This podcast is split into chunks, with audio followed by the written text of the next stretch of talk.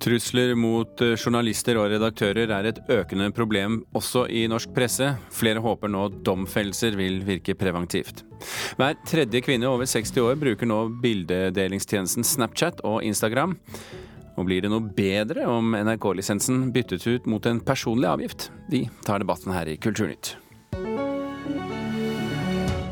Dessuten skal vi snakke om oppsetningen av Benjamin Brittens opera Peter Grimes, som hadde sin eh, forestilling under Festspillene i Bergen i går. Verdensklasse, sier vår kritiker, og han får du høre mer om når vi nærmer oss halv ni her på denne kanalen. Trusler om vold og sjikane mot pressefolk er et stadig økende problem også i Norge, ifølge Norsk Journalistlag og Norsk Redaktørforening. Senest i går ble det kjent at en mann er dømt til fengsel etter svært sjikanerende og krenkende meldinger til Vårt Land-redaktør Berit Aalborg. Utviklingen i Norge er urovekkende, mener flere, selv om vi ikke helt har fått amerikanske tilstander her hos oss.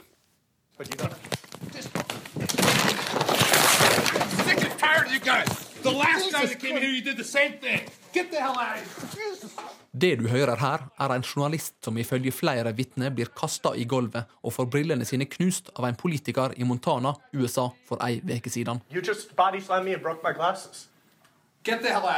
The Guardian-journalist Ben Jacobs stilte kritiske spørsmål om helsereformen da den republikanske kongresskandidaten Greg Gianforte gikk fysisk til verks. Journalist til sykehus, anmeldt politiker vant valget dagen etter.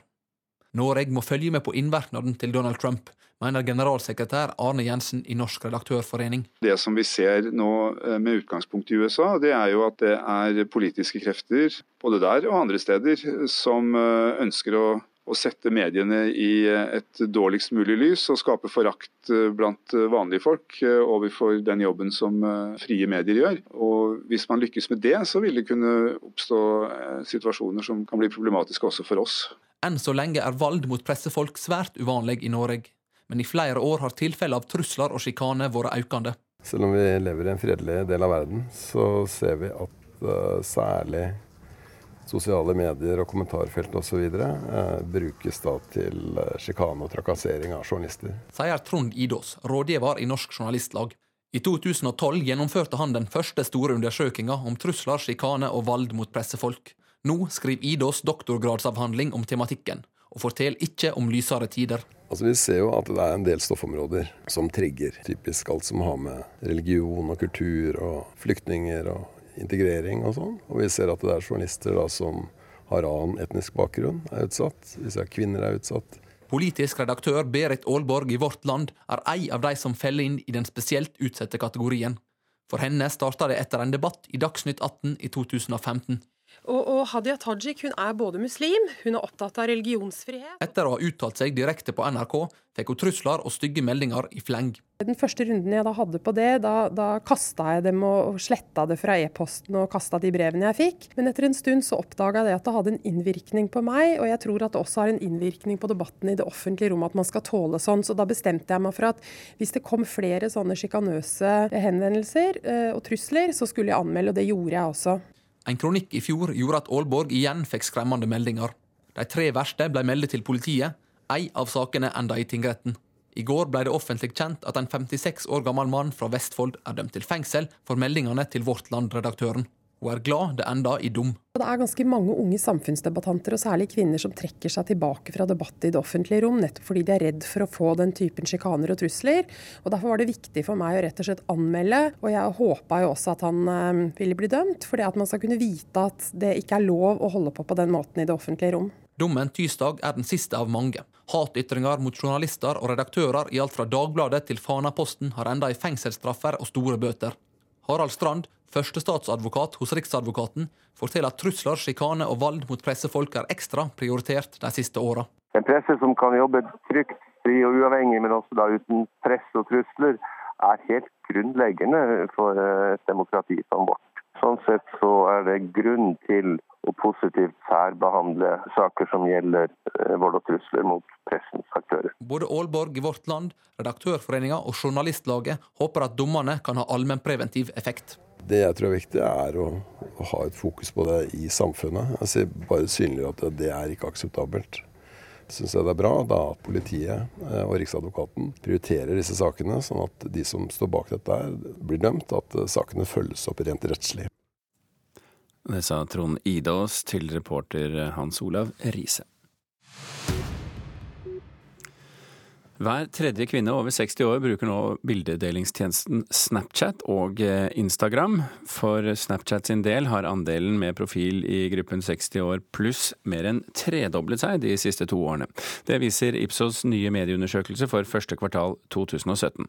En av dem som bruker Snapchat jevnlig, det er tidligere programleder her i NRK, Eli Rygg. Det er ganske artig, sjøl. Det ser Eli Rygg, som bruker bildedelingstjenesten Snapchat for å holde kontakten med familien. Jeg har barnebarn, og så har jeg barn som bor litt langt ifra meg. Så jeg er fæl til å sende en liten sånn snap og snakking, uh, ha en god dag og gjøre meg til litt. og Ellers så skriver jeg noen meldinger som syns er kjempeartig. Og hun er ikke alene. Tall fra medieundersøkelsen til meningsmålingsinstituttet Ipsos viser at hver tredje kvinne over 60 år bruker Snapchat. Og målinga viser også at tallet på brukere i aldersgruppa har blitt tre ganger så stort de siste to åra. Det skal ikke være lett når du er blitt avhengig av Snapchat. Facebook er fremdeles det største sosiale mediumet i Norge, men Snapchat er nummer to. Eli Rygg tror det at bildedelingstjenester er så enkel å bruke, er en viktig grunn til at hun har blitt så populær hos de over 60. Det er veldig rask måte å kommunisere direkte på. Og, sende en liten videosnutt. Det, det er veldig lettvint. Og det syns jeg er litt uh, trivelig. Så er det jo kjempekoselig å ha litt kontakt med ungene sine som bor borte. For ikke å snakke om barnebarn som syns det er knallartig. Snapchat er i utgangspunktet et ungdomsfenomen, og har fremdeles flest brukere i aldersgruppa 19 til 29 år. Men trass i dette har Eli Rygg ei bønn til ungdommen. Jeg skal aldri være med å rulle på russebil. Skal aldri være med å drikke på festene med dere, men la meg få lov til å få en liten del av det Snapchat-greiene. Jeg syns at det er ordentlig trivelig. Reporter her, det var eh, Espen Alnes.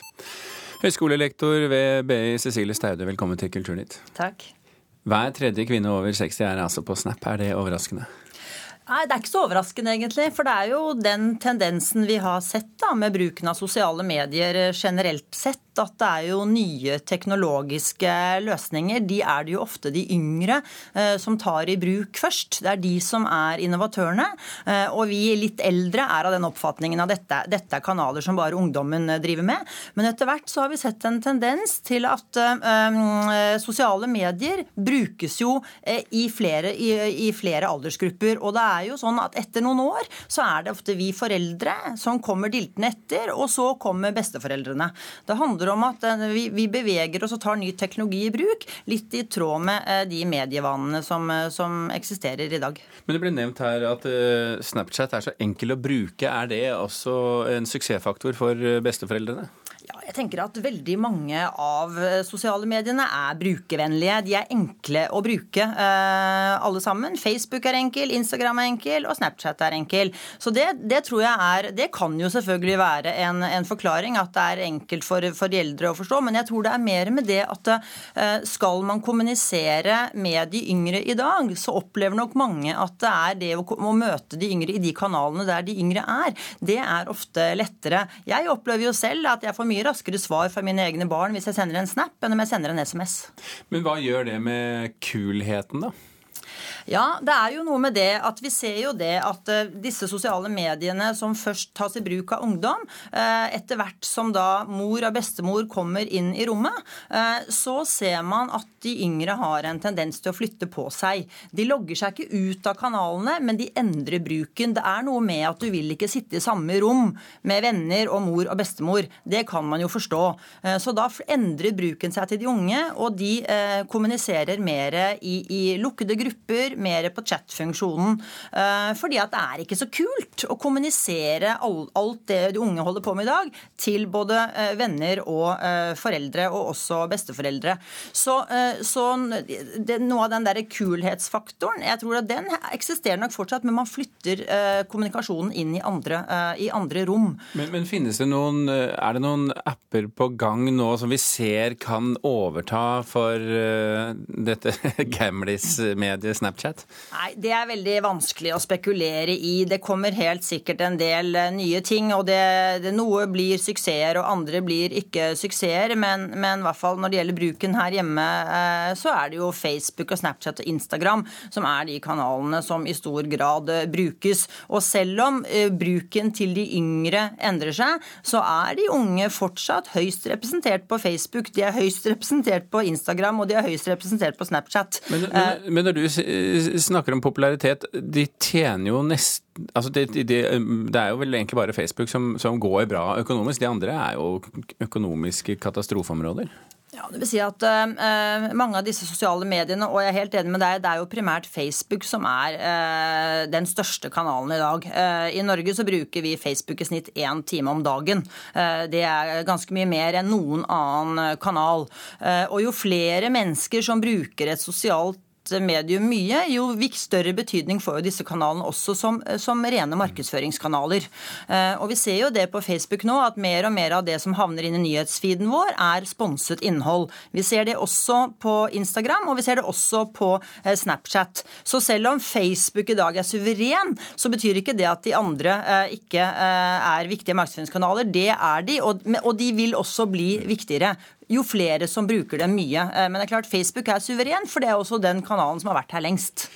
Cecilie Steide fra BI, takk for at du orienterte her i Kulturnytt.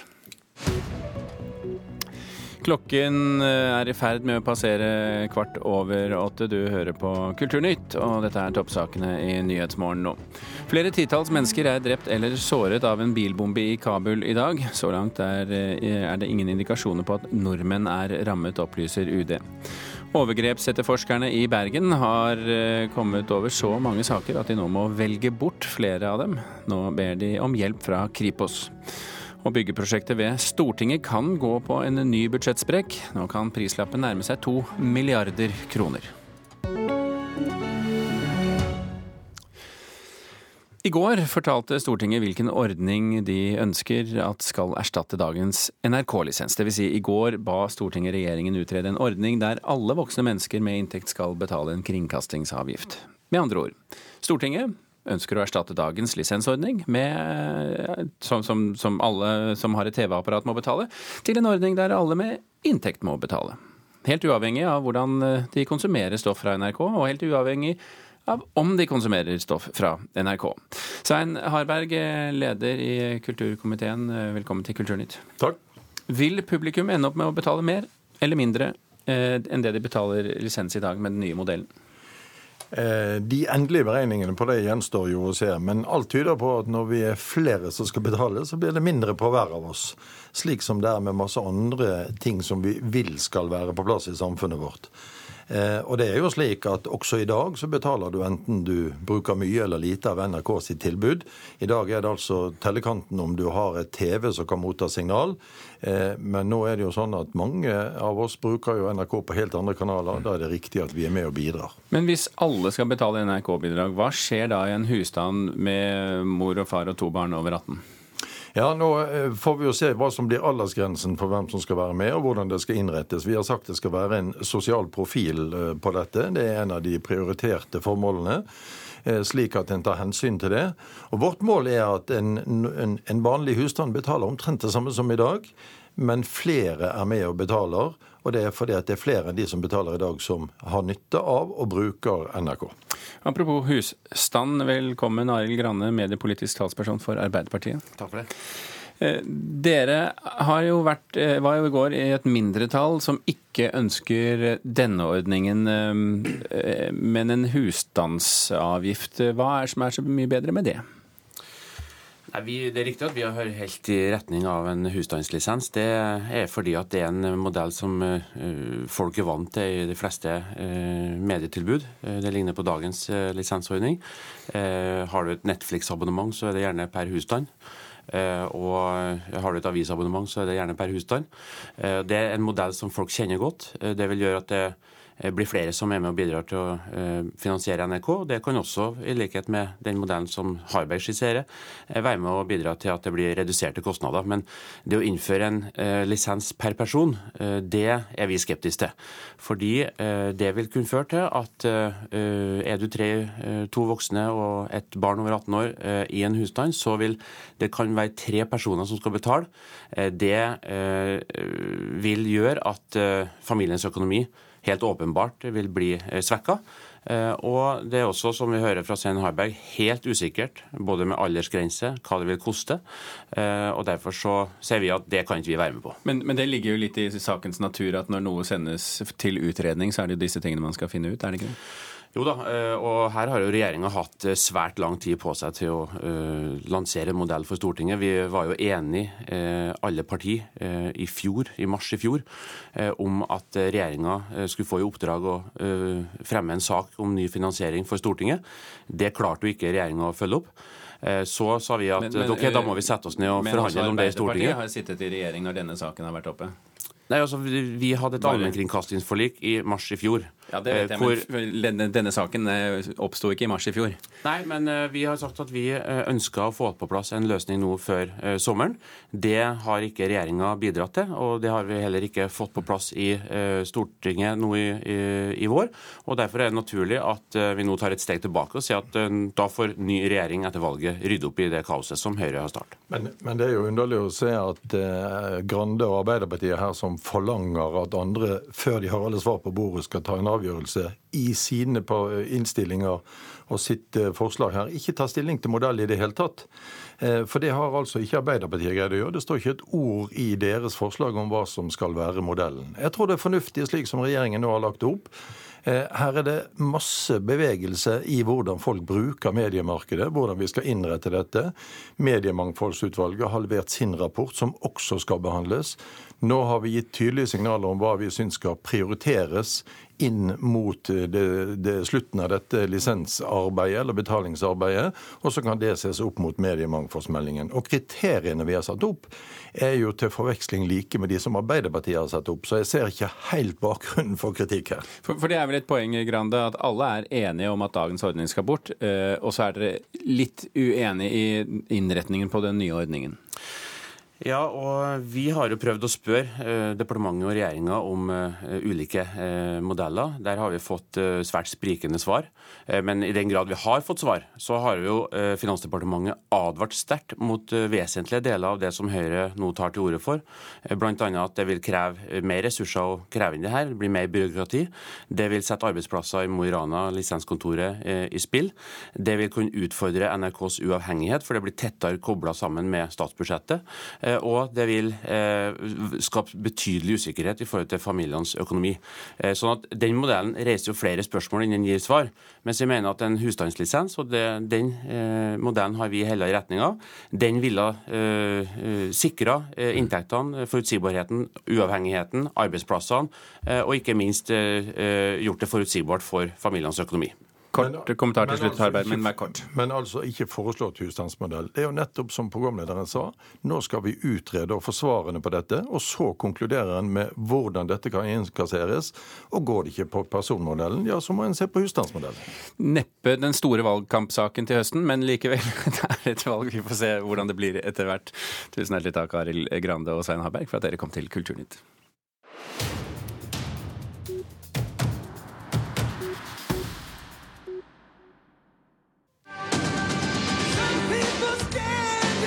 Dette er det mange som eh, kjenner igjen. Det er over 25 år siden du hørte den første gang. Baywatch tok verden med storm med lettkledde strandhelter som reddet liv, sprang sakte i, i, sprang i sakte film, der musklene flekset og de rette kroppsdelene duvet på de riktige måtene. Og når de ikke gjorde det, så fanget de skurker. Serien gjorde store stjerner av skuespillere som Pamela Anderson og David Hasselhoff, og det var mange her i Norge som fulgte den da den gikk på TV 2 på 90-tallet. Og nå er det klart for eh, comeback på kino. Welcome to Baywatch. If you want me, you can have me. Some other time. Vi skal ikke snakke så veldig mye om selve filmen her i Kulturnytt i dag, bare konstatere at NRKs anmelder kaller filmen totalt uoriginal, og VG beskriver den som en drukningsulykke og episk umorsom.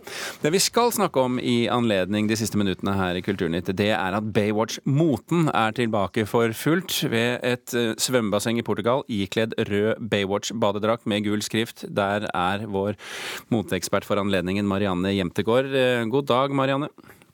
God morgen. God morgen. Hvordan eh, ser det ut der du er?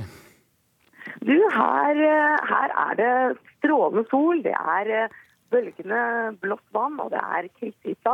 Og selvfølgelig er det veldig mange badedrakter Mm. ekstremt høy skjæring akkurat nå. Ja, og Det er jo en, et Baywatch-kjennetegn. Eh, Marianne, vi sleit litt med å få deg på i dag pga. litt teknisk tullball, men, så derfor har vi litt kort tid. Fortell oss, eh, hvordan ser vi Baywatch i årets eh, bademote? Det er eh, veldig mye badedrakter som er tilbake i motbildet, og badedraktene er frekkere enn noensinne.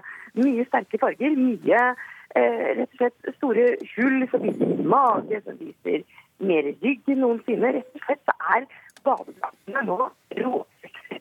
Men er det gult og rødt fra Baywatch som er eh, tingen? Det er faktisk veldig mye rødt i motebildet spesielt på badedraktfronten. Men faktisk så har også en del av kjedene kommet med egne Baywatch-badedrakter nå.